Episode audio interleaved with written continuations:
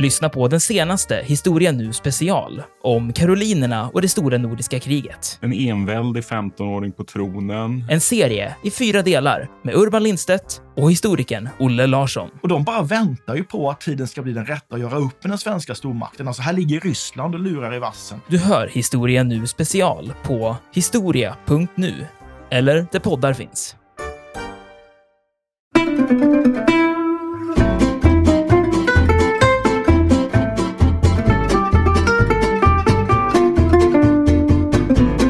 Om jag säger liksom eh, Belgien, eller jag säger kung Leopolds Kongo, jag säger gummihantering. Ja. Vad är det för bilder som kommer upp för dig? Det, dessvärre är det ju då de här avhuggna händerna jag ser för min inre blick. Det var ju en bestraffningsmetod som figurerade under den här tiden. Som, det började väl med att eh, de här soldaterna skulle visa upp avhuggna händer för att visa då för sina överordnade att de inte hade slösat med kulorna. Utan att de hade skjutit mot, eh, mot människor. Visst var det det det började? Vad står det? Då skulle man lämna in en högerhand Ja. för att visa att eh, det finns en död person bakom det avlossade Ja, skottet. Vilket ju är groteskt i Ja. sig. Och man rökte ju de här händerna också för att de skulle hålla sig i, i värmen. Eh, och man förvarade dem ju i korgar. Och samtidigt så tog man för att få folk att ge sig ut på de här farliga liksom, gummiexpeditionerna så tog man ju deras familjer som gisslan. Så det fanns ju, det handlar ju om ren och skär tvångsarbete.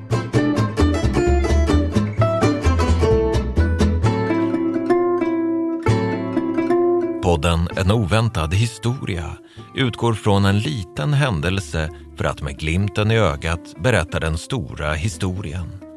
Programledare är historikerna Olle Larsson och Andreas Marklund.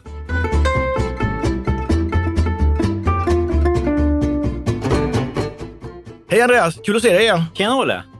Idag tänkte jag att vi skulle prata om eh, Kongo faktiskt. Ja. Eh, men inte dagens Kongo, utan det är Kongo som var en eh, koloni under den belgiske kungen Leopold II. Vi känner ju det här som eh, Kongofristaten eller kung Leopolds Kongo.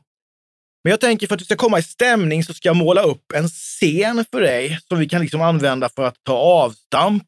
Det känns som det här skulle kunna bli lite obehagligt. Ja, vi ska flytta oss nu i både tid och rum och vi ska eh, bege oss till Antwerpen. Året är 1898. Ja. Och vi betraktar den här scenen genom ögonen på en engelsman, en rederitjänsteman från Liverpool som heter Edmund de Morel som har skickats till Belgien för att övervaka lastningen och lossningen av fartyg som har gått mellan eh, kung Leopolds, Kongo och hamnen i Antwer- Antwerpen. Det är nämligen så att det är ett dotterbolag till hans rederi som har ensamrätten på detta.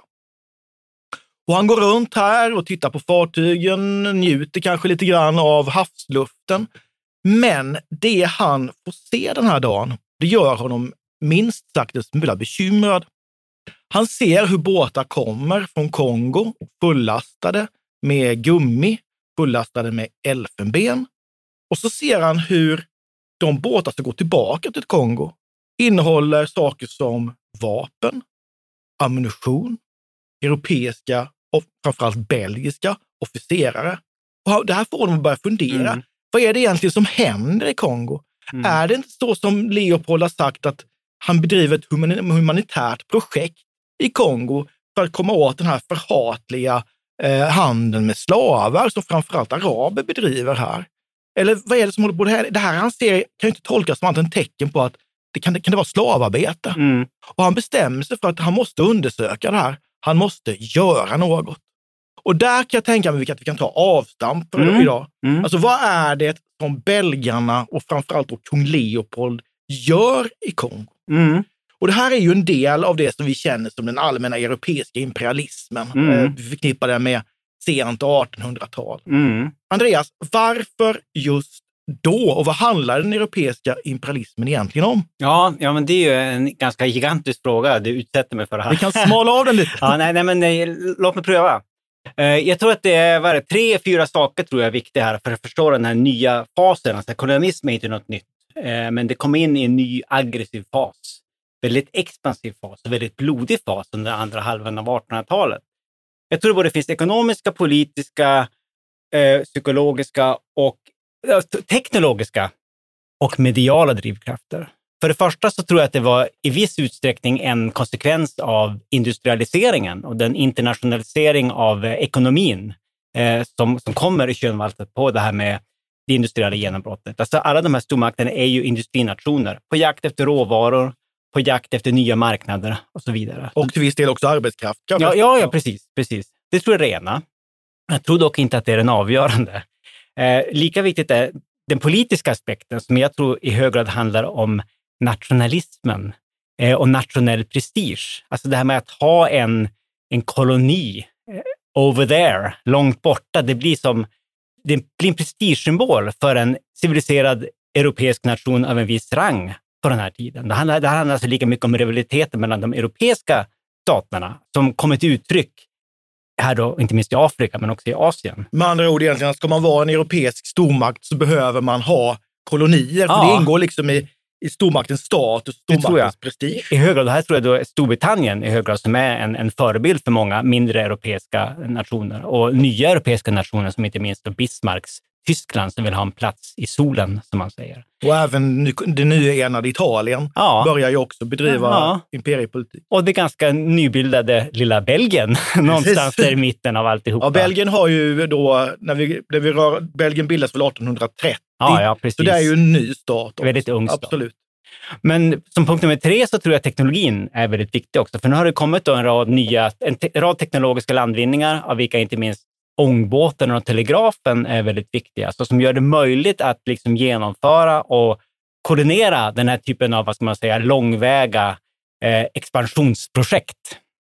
Eh, men det är också andra grejer, liksom maskingeväret, eh, kinin heter det va? Eller säger man kinin? Alltså, Kinin som man använder för att bota malaria. Ja, precis, Eller precis. hålla malaria under i schack i alla Ja, fall. ja, precis. Som gör det liksom nu realistiskt att ge sig in i till exempel då det inre Afrika. Det kunde man inte göra tidigare. Alltså, det var fortfarande livsfarligt under 1800-talet, men tidigare så hade det varit liksom verkligen en dödsfälla. Och så tror jag då, som den sista och eh, i min världsbild kanske den viktigaste och lite bortglömda kraften, det är det här med mediernas roll. Eh, det här var ju också en period då, då vi får den moderna tidningen. Alltså, tidningar kom ju redan på, på 1600-talet, men det här är, på 1800-talet började det komma liksom så här moderna dagstidningar som riktar sig till en bredare allmänhet och har en stor utrikessektion och följetonger som är spännande med cliffhangers. Och många av de där följetongerna, det var ju reseberättelser publicerade av upptäcktsresenärer alla Henry Stanley, som, ju både var, som både var journalist, upptäcktsresande och entreprenör i största allmänhet. Alltså, Det- han var en hjälte, mediahjälte. Det där är jätteintressant hur just de här olika rollerna går ihop. I'm Sandra, and I'm just the professional your small business was looking for. But you didn't hire me because you didn't use LinkedIn jobs. LinkedIn has professionals you can't find anywhere else, including those who aren't actively looking for a new job but might be open to the perfect role, like me. In a given month, over 70% of LinkedIn users don't visit other leading job sites. So if you're not looking on LinkedIn, you'll miss out on great candidates like Sandra. Start hiring professionals like a professional. Post your free job on linkedin.com/people today. Everyone knows therapy is great for solving problems, but getting therapy has its own problems too, like finding the right therapist, fitting into their schedule, and of course, the cost. Well, BetterHelp can solve those problems. It's totally online and built around your schedule. It's surprisingly affordable too. Connect with a credentialed therapist by phone, video, or online chat, all from the comfort of your home. Visit betterhelp.com to learn more and save 10% on your first month. That's BetterHelp H E L P. Cool fact a crocodile can't stick out its tongue. Also, you can get health insurance for a month or just under a year in some states. United Healthcare short term insurance plans, underwritten by Golden Rule Insurance Company, offer flexible, budget friendly coverage for you. Learn more at uh1.com.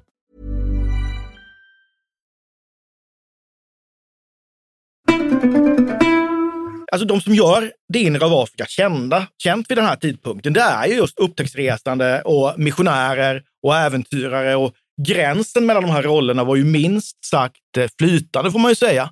Och det har vi ytterligare en aspekt tror jag som man ska lägga till, då, till de här europeiska drivkrafterna bakom så att säga det som blir imperiepolitik.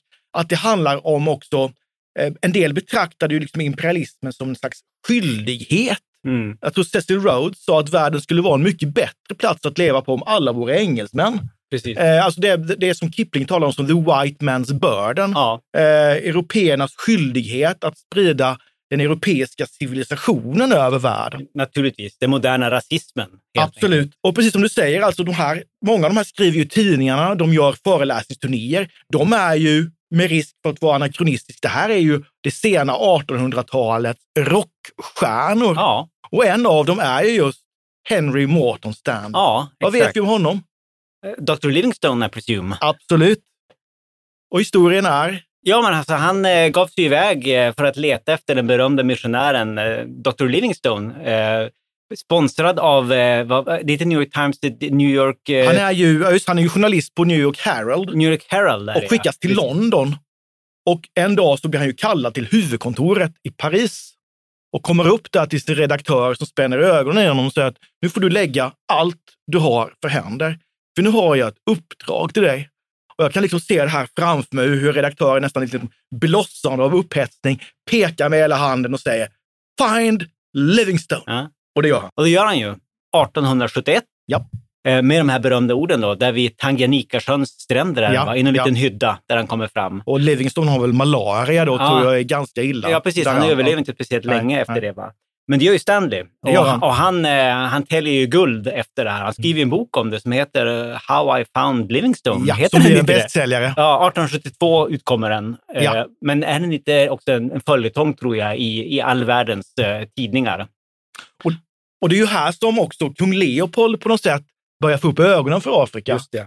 Han har ju läst vad Stanley har skrivit Ja. och han är ju svårt intresserad av detta. Och det är ju rätt intressant. Så, så säger Belgien är ett ganska nytt land, Ja. grundat 1830. Ja. Man behöver en koloni Ett land av visst... Prestigeskäl. ja, landet har mindervärdeskomplex. Absolut. Inga och så har jag läst en ganska liksom rolig sak, jag vet inte om det stämmer eller om man får skriva det på de historiska anekdoternas konto, men att en annan, ett skäl till att Leopold ska liksom, ha försökt liksom fly sin egen verklighet genom ett kolonialt äventyr Ja. var hans eh, eh, olyckliga äktenskap Ja, med eh, Marie Henriette av Habsburg. Ja, Hon beskrevs ju som eh, havandes huvudsakligen två egenskaper. Förutom då det här otroligt hesa skrattet som trängde genom märg och ben, att hon var eh, oerhört förtjust i hästar. och kontrasten då var Leopold själv då, som beskrevs som humorlös och fullständigt livrädd för hästar. Och någon i hans omgivning där uttryckte som så att det här äktenskapet mellan Leopold och den här habsburgska prinsessan kunde liknas vid ett äktenskap mellan en stalldräng och en nunna. Och här spelade då Leopold nunnans roll. Ja, Sant eller inte, men det är ju ja, som en psykologisk insikt i, Bel- i, i. Leopold. Men det får bara nämna då som en liten Ja. parentes, det är ju att det är ju intressant att det finns ju ett antal väldigt kontroversiella ryttarstatyer av den här då uppenbarligen hästförskräckta Ja. kungen.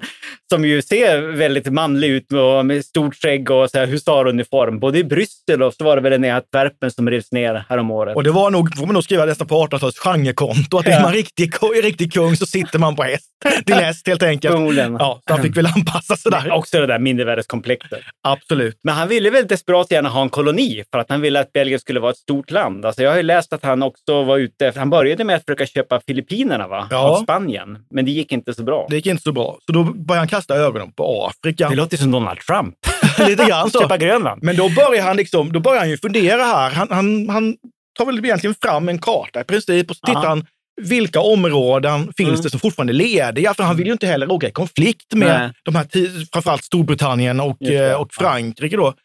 Och då är det ju så att Alltså, européerna har ju känt till Afrikas kuster egentligen sedan sent 1400-tal. Just Där man grundade handelsstationer, Ja. Elfenbenskusten, Slavkusten, Guldkusten. Uppkallade- Ja, precis efter de här varorna man hämtar där. Men Afrikas inland, som du nämnde, kininet, Mm. man, man vill ju inte in där. Men vad finns det där inne? Mm. Och sjukdomar och, och Mm. vilda djur. Utan det är ju först nu som Afrikas inland blir känt. Mm. Och det blir också då, tack vare de upptäcktsresande, alltså känt hur stora rikedomar som döljer sig här. Här Mm. finns det ju någonting att hämta. Mm. Samtidigt då med synen på, med den rasistiska synen på Afrika och afrikanerna, att det här är, det här är områden som är terra nullius, alltså tillhör ingen alls. Nej. Det finns ingen kultur, det finns inga stadsgränser. Det är bara fritt fram för den som vill att ta för Ja, sig. precis. Ur ett europeiskt perspektiv. och då, och då, tillägga. fa- då faller ju liksom eh, Leopolds blick där på Ja. här, här, Kongo. Just det. Det skulle vara något. Så följer han väl Stanleys reseberättelser också? Precis. Och han får ju också kontakt med Stanley. Eh, han vill ju ha Stanley som medarbetare. Ja. Eh, man grundade den här Afrika... Eh, Internationella Afrikasällskapet. precis på 1870-talet. Och redan och här sätter ju liksom, det är ju här Leopold börjar så att säga marknadsföra sig själv som någon slags humanitetens förkämpe. Ja, ja. Att det är liksom en europeisk plikt att ta sig till Afrika. Ja. Inte minst då för att lösa de här problemen med den förhatliga slavhandeln. Precis, det var väldigt mycket Whitemans burden över den där retoriken. Ju. Att han skulle Absolut. sprida civilisationens ljus. Och... Ja, White, White, Whitemans burden, alltså den här berömda dikten av Rudyard Kipling som kom 1899, som ju har ett väldigt, eh, ett väldigt rasistiskt budskap, eller vad man ska säga, som handlar om den vite mannens plikt att, eh, att bringa civilisationen ut till mindre civiliserade folkslag. Precis. Inte minst afrikaner och asiater, alltså då ur dåtidens perspektiv. Och det blir så att säga imperialismen som någon slags korstågstanke Ja. nästan då av att eh, om inte sprida religionen så i alla fall civilisationen. Och oftast gick ju det här hand i hand. Men det Leopold gör här nu, det är att han, han kontaktar ju faktiskt Stanley och Mm. säger, kan inte du hjälpa mig? Mm. Och som jag förstår det så är Stanley lite avvaktande till att Mm. börja med, men han lyckas i alla fall få Stanley att komma till, till Bryssel. Mm. Och han övertalar också Stanley att gå i, i hans tjänst och han Mm. skickar ju ner Stanley då till, eh, till Kongo Ja, med uppgiften att sluta kontrakt med lokala hövdingar. Mm. Och det här är också intressant för här krockar ju liksom ett europeiskt ägandebegrepp minst sagt mot ett afrikanskt ägandebegrepp. Mm. Där ägandet till jord betyder någonting helt annat. Och Mm. Han lyckas, han är otroligt framgångsrik i sitt arbete i Afrika. Mm. Han grundar ju en militärbas, eller en bas först. Han börjar bygga järnväg. Mm. Eh, han skriver kontrakt med, jag tror det flera hundra hövdingar Mm. som då ger upp landområden i utbyte mot vapen, värdelösa föremål Mm. och så. Mm. Och sen kommer han tillbaka Mm. till, eh, till Europa. Och då är vi inne någonstans på ja, 1880-talets Just det. början. Just Och det är ju nu som liksom den, den, den stora europeiska kapplöpningen om Afrika inleds på riktigt Just egentligen i, Scramble i tid. Då. The scramble for Africa. Alla länder är beredda här att liksom roffa åt sig det som finns. Just det. Och vi, vi nämnde ju det här med att eh, olika europeiska länder vill ha kolonier. Ja. Och en av, ett annat land som också är förhållandevis nytt och som också vill ha kolonier, det är ju Tyskland. ja, von Bismarcks Precis. skapelse. Men vad är Bismarcks dilemma här då i början av 1800-talet? Han kallar ju till en konferens i Berlin 1884-85. Just det. Ja. Varför gör han det? Jo, men det handlar väl dels om att han ska... Det handlar inte minst om att han ska försöka hålla Frankrike och Storbritannien i schack. Alltså, de har ju ett försprång i det här koloniala projektet. Det gör han ju och han vill ju också att man, han är ju jätterädd för att Tyskland då som är ganska nytt, nyligt, de klarar inte av, är inte redo för ett europeiskt storkrig och är ju jätterädd för att en konflikt i Afrika mellan europeiska länder ska spilla över och bli en europeisk konflikt som han inte vill ha. Så det han säger är vi måste dra upp riktlinjer Mm. för hur eh, expansionen i Afrika ska gå till. Precis, det handlar i hög grad om att reglera det Absolut. koloniala äventyret. Det är på något sätt väldigt, väldigt tyskt, Ja. måste man ju säga. Så det ska vara klara regler och riktlinjer, alltså europeiska regler och riktlinjer. Alla det besittningar ska vara verkliga. Precis. Det räcker inte med att peka på en karta och säga det här är mitt. Precis, Eh, precis. Den som har områden vid kusten har förhandsrätt till områdena innanför. Precis, men undertexten är hela tiden ur Bismarcks perspektiv att hålla Frankrike och Storbritannien i schack. Ja, Och det är det som leder till att kung Leopold då får Kongobäckenet, the Congo Basin, som sin personliga domän. Alltså ett område som är lika stort som typ Europa, som sin personliga egendom. och det är ju det som blir, eh, som blir en av, ett av resultaten då av den här Berlinkonferensen. Det är ju att, att eh, kung Leopold II faktiskt får den så kallade Kongofristaten. Ja, Och det här är ju, vi pratar ju om brittiska och vi pratar om franska kolonier, men det här är ju en annan typ av koloni. Ja. För det här är ju inte Belgiens Nej. koloni. Det här är ju en koloni som Leopold driver som privatperson. Det här är hans personliga projekt. precis precis. Man är nästan frestad att ifrågasätta begreppet koloni i det här sammanhanget, men det kanske vi kommer till lite senare. Ja, vi kan väl komma in på det. Alltså, nu har Leopold fått sin, sin koloni. Han är den som äger Kongofristaten. Och så skickas det allt fler eh, belgiska administratörer, eh, belgiska militärer till Kongo. Och vad, vad är det de gör? Alltså vad är det som händer? Det här, alltså, vad, är, vad är Leopolds drivkrafter? Äh, De Ja. är ju inte helt humanitära. Nej, det är de ju inte. Frågan är om man själv någonsin trodde det egentligen. Men alltså det, det handlar ju framförallt om att exploatera det här landet, att suga ut alltså de råvaror som fanns där. Alltså det börjar med elfenben och det utvecklas då till, till rågummi. och det är där, verkligen, det, är- det är där det verkligen vad ska man säga, brakar ihop i, i våldsexcesser. Men det börjar väl med att man, eh, alltså han skickar ju dit, han bygger ganska snabbt upp en, en, en legostyrka som heter Force Public, alltså den an, allmänna styrkan. Där det, som ju domineras av eh, europeiska officerare. Det är väl både belgare och relativt många Faktiskt svenskar. ganska många svenskar också. Hund, precis, hundratals svenska officerare som är ute efter att få lite stridserfarenhet. Eh, plus att man också tar in då afrikanska soldater då som underbefäl och meniga. Och det är väl framförallt afrikaner från den brittiska delen av, av Afrika, de brittiska kolonierna. Folk som inte har kopplingar till de existerande eh, samhällsstrukturerna i omkring Kongobäckenet. För de får ju fram på ett väldigt våldsamt sätt. Eh, man, man börjar väl helt enkelt, man bygger ju upp något otroligt primitivt skattesystem, som jag har förstått det, som ju delvis sveps in i någon slags civiliseringsretorik, alltså det här med civiliserade folk, de betalar skatt. På så sätt får man ett fungerande samhälle.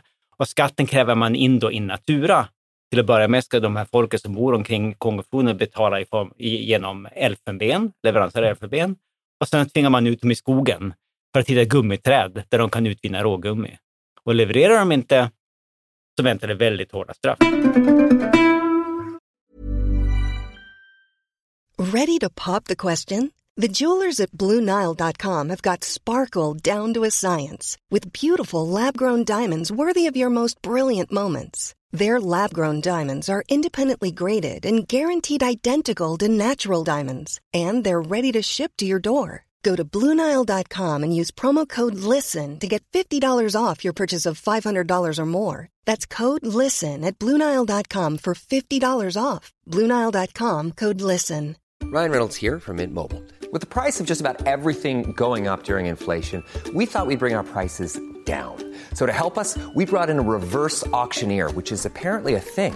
Mint Mobile unlimited premium wireless. Ready to get 30, 30, bit to get 30, bit to get 20, 20, 20, bit to get 20, 20, bit to get 15, 15, 15, 15 just 15 bucks a month. So, Give it a try at mintmobile.com slash switch.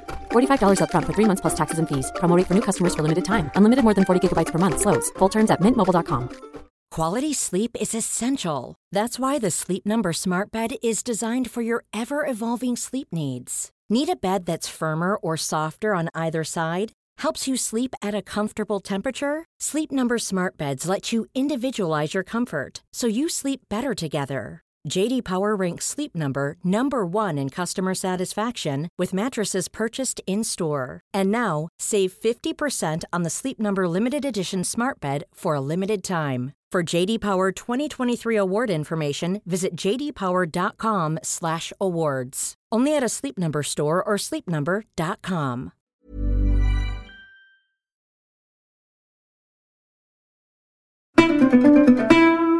Först började med elfenben och det var ju en brutal hantering i sig, de här så kallade elfenbensräderna, när man tvingar ut afrikaner i djungeln på elefant, alltså en rov, rovjakt på elefanter. Det var det. Och de måste handla med just belgarna. De får inte handla med någonting annat. Man köper ju upp mängder med elfenben till Mm. oerhört låga priser.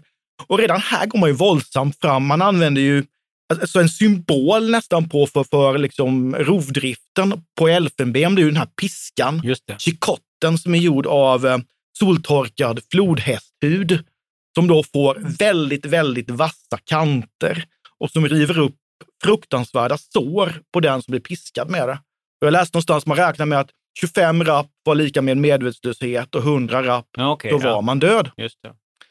Så där, där börjar ju egentligen den här råheten egentligen, som man naturligtvis också har rasistiska förtecken, att Ja. de betraktades inte som människor, eller i varje fall som mycket lägre stående eh, människor. Just det. Och sen kommer ju då gummit. Ja, Dunlap uppfinner det här gummidäcket ja uppspara gummidäcket. ja, Ja, på 1890-talet. Just det. Och Kongo har gott om rågummi. Ja. Hur gör man när man samlar in gummi? Jo, men man, eh, ja, vad gör man? Man ska... eh, Skär man inte strimlor i såna här gummiträd? Ja, man, det är väl staven i gummiträden som man är ute efter. Och då Och det är också ett arbete som det. Det är vill man exploatera ett land är ju gummi, alltså produktion av, av eh, naturgummi utmärkt. Kräver mängder med arbetskraft. Det har man. Kräver ingen utrustning. Det handlar bara om att ha hårda nypor, så att säga. Ja, och- och För det här var ju ett farligt arbete. Ja. Och kniv ska man väl ha? Man ska, Kniv ska man gärna ska, ha. Man ska, man ska karva upp träd helt enkelt. Om jag säger att liksom, eh, Belgien, eller jag säger kung Leopolds Kongo, jag säger gummihantering. Ja. Vad är det för bilder som kommer upp för dig? Det- Dessvärre är det ju då de här avhuggna händerna jag ser för min inre blick. Mm. Det var ju en bestraffningsmetod som fungerade under den här tiden. Som, det började väl med att eh, de här soldaterna skulle visa upp avhuggna händer för att visa då för sina överordnade att de inte hade slösat med kulorna, utan att de hade skjutit mot, eh, mot människor. Visst var det det det började? Det var så, då skulle man lämna in en högerhand Ja. för att visa att det finns en död person bakom det avlossade Ja, skottet. Vilket ju är groteskt i Ja. sig. Och man rökte ju de här händerna också för att de skulle hålla sig i, i värmen. Eh, och man förvarade dem ju i korgar. Och samtidigt så tog man för att få folk att ge sig ut på de här farliga liksom, gummiexpeditionerna, så tog man ju deras familjer som gisslan. Så det fanns ju, det handlar ju om ren och skär tvångsarbete, slavarbete. det var som, som man. Absolut, som, man, som man bedriver här. Ja. Det var väl hela familjer som skickade ut. Det var kvinnor, barn, män. Alla skulle ut i skogen. Och det gjorde väl också att, att jordbruket, det existerande jordbruket förföll väl fullständigt. Alltså det blev ju också en svältkatastrof. Ja, de tvingas ju bli råvaruproducenter Ja. åt européerna. Ja. Som många andra kolonier också förvisso då. Exakt. Det här är ju svårt att hålla hemligt. Ja. Eh, och det här, naturligtvis, det här var ju naturligtvis väldigt inkomstbringande. Eh, jag läste någonstans att eh, vinsterna på gummi eh, 64-faldigas under loppet av tio år. Ungefär från 1890 fram till 1904. Så, så kung Leopold gör ju otroligt stora pengar på detta. Du berättade förut att du hade bott i Bryssel. Alltså att man ser det här. Hur använder Leopold delar av sin eh, hopskrapade förmögenhet? Jo, men alltså, han försöker göra liksom Bryssel lite grann till eh, du vet, en, en ny metropol i Europa. Alla, alltså Paris och London. Alltså det, det, han, försöker, det, han använder väldigt mycket pengar på att liksom, bygga upp en storslagen arkitektur. Det är ju mängder av snygga trumfbågar och bara Afrikamuseet som de har där är ju ett, det är ett palats. Ver, verkligen. Och det är massor av eh, Leopold II-statyer på olika ställen i, i stan. Så han använder inte minst på liksom att skapa en eh, magnifik huvudstad. Det kommer helt enkelt ganska mycket pengar till Belgien Ja, genom den här... genom kungen. Genom kungen, ja. Ja. Men, för det finns ju alltid ett men. Eh, den här rovdriften går ju inte att hålla hemlig Nej. hur länge som helst, utan det börjar ju läcka ut uppgifter redan tidigt 1890-tal om att det som belgarna, alltså belgarna under Leopold gör Mm. i Kongo inte har någonting med humanitär verksamhet att göra. Och eh, en av de första som, läcker, som, som, som, som, som eh, publicerar uppgifter om vad han har sett i Kongo är ju faktiskt en svensk missionär. Edvin Sjöblom. Edvin Sjöblom, som 1895 skriver en eh, artikel Mm. på svenska som handlar om just eh, rovdriften på gummi Mm. i Kongo. Han beskriver de här avhuggna händerna Mm. och han skickar ju också, han är ju baptistmissionär, eh. Mm. han skickar ju uppgifter till eh, baptisternas högkvarter både i Storbritannien och Mm. USA som väljer att inte liksom göra, gå vidare med de här uppgifterna utan nej, det, det, man, man vill handla med, Mm. med, med Belgien och man vill inte komma på, på kant med, kung det. Leopold. Mm. Mm. Men han fortsätter ju skriva Mm. och en del av hans artiklar publiceras ju också i, tidningar. i engelskspråkiga tidningar. Ja. Och samtidigt börjar ju ännu fler skriva. Och helt plötsligt då, ungefär, då, då är vi tillbaka där vi började då, Ja. när den här de Morell går i Antwerpens hamn och Ja. säger, vad, är- vad är det jag ser? Och där någonstans kring sekelskiftet 1900 så börjar ju uppgifterna dugga tätare och tätare och tätare. Ja. Och tätare. Han börjar ju också skriva, Morell. Alltså Morell han, skriver också. han använder ju medierna som sitt vapen. Och han, nu, kommer ju också den här, man ska kalla för, inte sanningskommissionen, men man bestämmer sig för att man ska tillsätta kommissioner. Ja. Så vad är det som händer? Ja, Och britterna skickar ju en man som heter Roger Casement till eh, Kongo. Just det. Vad är det? Är det Congo Reform Movement? Eller Ja. något sånt där. Och han beskrev ju det här, jag har för mig att det är han som stöter på en korg med just, Just det. avhuggna händer. Ja, Och att det är händer som flyter i en flod, för man har liksom tömt just de här det. händerna där när man har redovisat. Ja, Så. human waste. Och Leopolds svar på detta blir ju att tillsätta en egen kommission ja. Ja. som ironiskt nog kommer fram till samma sak. Ja. Alltså det, det belgarna ägnar, han ägnar sig åt i, eh, i Kongo är ju ren och skär rovdrift. Ja. Och det går ju så långt så att när vi kommer in en bit på eh, tidiga 1900-talet så, kan, så vill, kan, varken kan eller vill ju Belgien behålla sin Nej. koloni längre. Nej, precis. Så han gör, ju av, gör sig av med den. Ja, han förlorar ju kolonin, ja, precis. Och den övertas av eh, det belgiska parlamentet. Just det, och han fick, han fick betalt för den va? Just det. Precis. 50 miljoner eller någonting sånt. Är det något sånt där? Något sånt ja. Så han gör sig liksom av med problemet där på, på, på, på, på något sätt, får man väl säga. Precis. Och man brukar ju säga att, för, eh, alltså, att eh, hanteringen av lokalbefolkningen under belgiska Kongo Ja. är, blir ju i alla fall något bättre, eller blir bättre Just än vad det var under Leopold. Han, man, vi kanske ska poängtera att han, eh, han är ju kontroversiell idag, men det var han ju också under slutet av sin egen levnad. Alltså, han gick ju i grav, vid hans begravning så var det burop eh, längs kortegen, alltså längs gatorna. Så att han, han gick ju i, i graven som en vanärad monark på grund av det här. Och han dör ju också ganska snart Eh, efteråt. året efter va? Ja, han dör förlorar. 1909. Ja, precis. Och det, man kan väl mycket väl tänka sig att det här tog ganska hårt eh, på honom naturligtvis. Man, kan, man tar nästan säga det hoppas vi. Ja, och det är ju ett ganska stort fall från att han, han var ju faktiskt hyllad i pressen i början Precis. som en humanitetens Jo, jo. förkämpe. Absolut. Och det här blir ju liksom humanitetens antites som, som dyker upp. Han hade satt sig Eh, på en väldigt hög häst. han hade satt sig på en mycket, mycket hög häst. och föll väldigt, väldigt hårt. Jo, exakt. Jag menar, alltså, men det är ju intressant det här. Medierna spelar faktiskt en ganska dubbel roll i allt det här. Jag menar ju att medierna var en viktig, men kanske lite bortglömd drivkraft, drivkraft bakom hela det koloniala eländet, if I may say so. Men sen får de också en viktig roll som, vad ska man säga, språkrör för de här visselblåsarna. Eh, Så det, det är en dubbel roll, både en skurkroll och en hjälteroll. Och det visar ju också vilken, vilken betydelse den här framväxande dagspressen får Precis, på under, under 1800 Förlåt? På gott och På ont. gott och ont, absolut. absolut. Och sen fortsätter ju egentligen den europeiska kolonialismen tar ju inte slut med, med Leopold II, utan Nej. det är ju någonting som egentligen pågår fram till andra världskrigets slut, skulle jag påstå. Ja. Mm. När FN grundas, som då per definition blir en anti-imperialistisk organisation Just som det. säger att man ska verka för koloniernas eh, frigörelse. Och så. Just det. Vi har ju någon slags avkolonisering som, som påbörjas en mass under tiden efter andra Mm. världskriget, men som inte är avslutad förrän på 70-talet. Precis. Men om vi går tillbaka till Kongo och talar lite grann om det kolon- koloniala arvet. Hur, hur ser du på det? Ja, jag, jag, är det annat än eländes elände? Jag menar, alltså det rovdrift, det begreppet du har använt, det handlar om, det handlar ju om folkmord. Alltså det är ju miljoner kongoleser som mister livet i allt det här. Eh, man slår sönder den existerande samhällsstrukturen fullständigt utan att det byggs upp något nytt. Alltså det är det som kanske skiljer, tänker jag, kung Leopolds Kongo från många andra kolonier. Alltså många andra, tror jag, eh, kolonialmakter använder sig av brutala metoder. Men i de, de brittiska kolonierna och franska kolonierna så var det åtminstone en ansats till att liksom bygga upp samhällsinstitutioner. Det blev det därför på sikt. Det saknades ju fullständigt i kung Leopolds Kongo. Det, det var den här järnvägen eh, som egentligen bara handlade om att köra ut all elfenben och eh, alltså det här rågummet. Men annars var det var utsugning och det var våld. Och det ser man ju också när Belgien lämnar Kongo då 1960, att Ja. det omedelbart blir konflikt. För Ja. det finns inga fungerande Nej. institutioner, ingen fungerande utbildningsväsen att bygga på. Nej, precis. Det Det- krossades ju av, av belgarna när de kom. Och, och, och svenskarna. Men hur ser du, äh, hur, om, man, om man tänker på det som européerna gör i Afrika då, under säg, perioden grovt sett 1880-1914. Ja. Hur spiller det här över på Europa?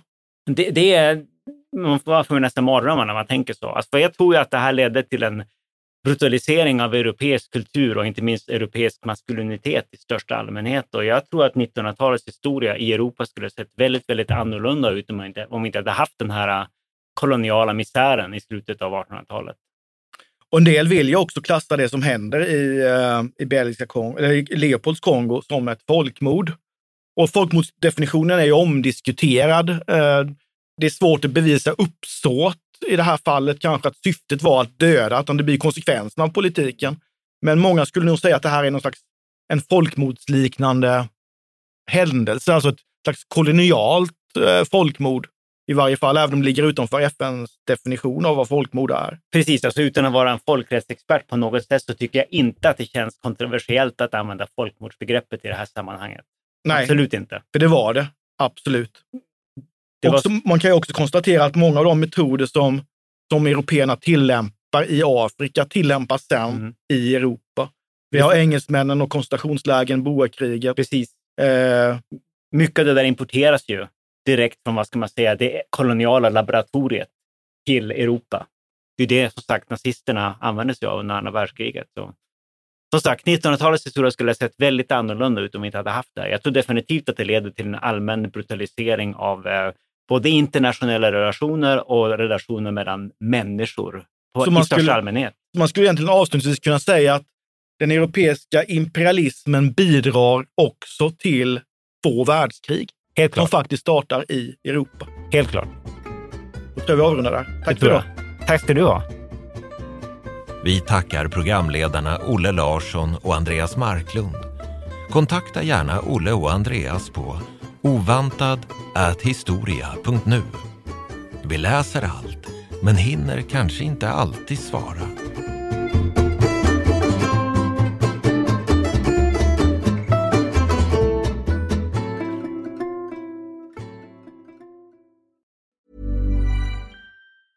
Hey, it's Danny Pellegrino from Everything Iconic. Ready to upgrade your style game without blowing your budget? Check out Quince. They've got all the good stuff shirts and polos, activewear, and fine leather goods, all at 50 to 80% less than other high end brands. And the best part? They're all about safe, ethical, and responsible manufacturing. Get that luxury vibe without the luxury price tag. Hit up quince.com slash upgrade for free shipping and 365 day returns on your next order. That's quince.com slash upgrade. Mom deserves the best, and there's no better place to shop for Mother's Day than Whole Foods Market. They're your destination for unbeatable savings, from premium gifts to show-stopping flowers and irresistible desserts. Start by saving 33% with Prime on all body care and candles. Then get a 15-stem bunch of tulips for just $9.99 each with Prime. Round out Mom's menu with festive rosé, irresistible berry chantilly cake, and more special treats. Come celebrate Mother's Day at Whole Foods Market. Hey, it's Paige DeSorbo from Giggly Squad. High quality fashion without the price tag. Say hello to Quince. I'm snagging high-end essentials like cozy cashmere sweaters, sleek leather jackets, fine jewelry, and so much more. With Quince being 50 to 80% less than similar brands. And they partner with factories that prioritize safe, ethical, and responsible manufacturing. I love that. Luxury quality within reach. Go to quince.com slash style to get free shipping and 365 day returns on your next order. Quince.com slash style. Iran har under 1900-talet genomgått tre omvälvande revolutioner som orienterat landet antingen mot västerlandets modell eller mot en auktoritär styrelseform. Idag pågår en social revolution i landet som vänder sig mot det islamistiska styret och vars anhängare har Europa och väst som förebilder. I en viktig bok ger idéhistorikern Mohammad Faslashemi en djupare förståelse för dagens dramatiska händelseutveckling. Iran mellan tre revolutioner är utgiven av förlaget Historiska Media. Beställ den fysiska boken på förlagets hemsida historiskamedia.se eller köp den i en bokhandel nära dig.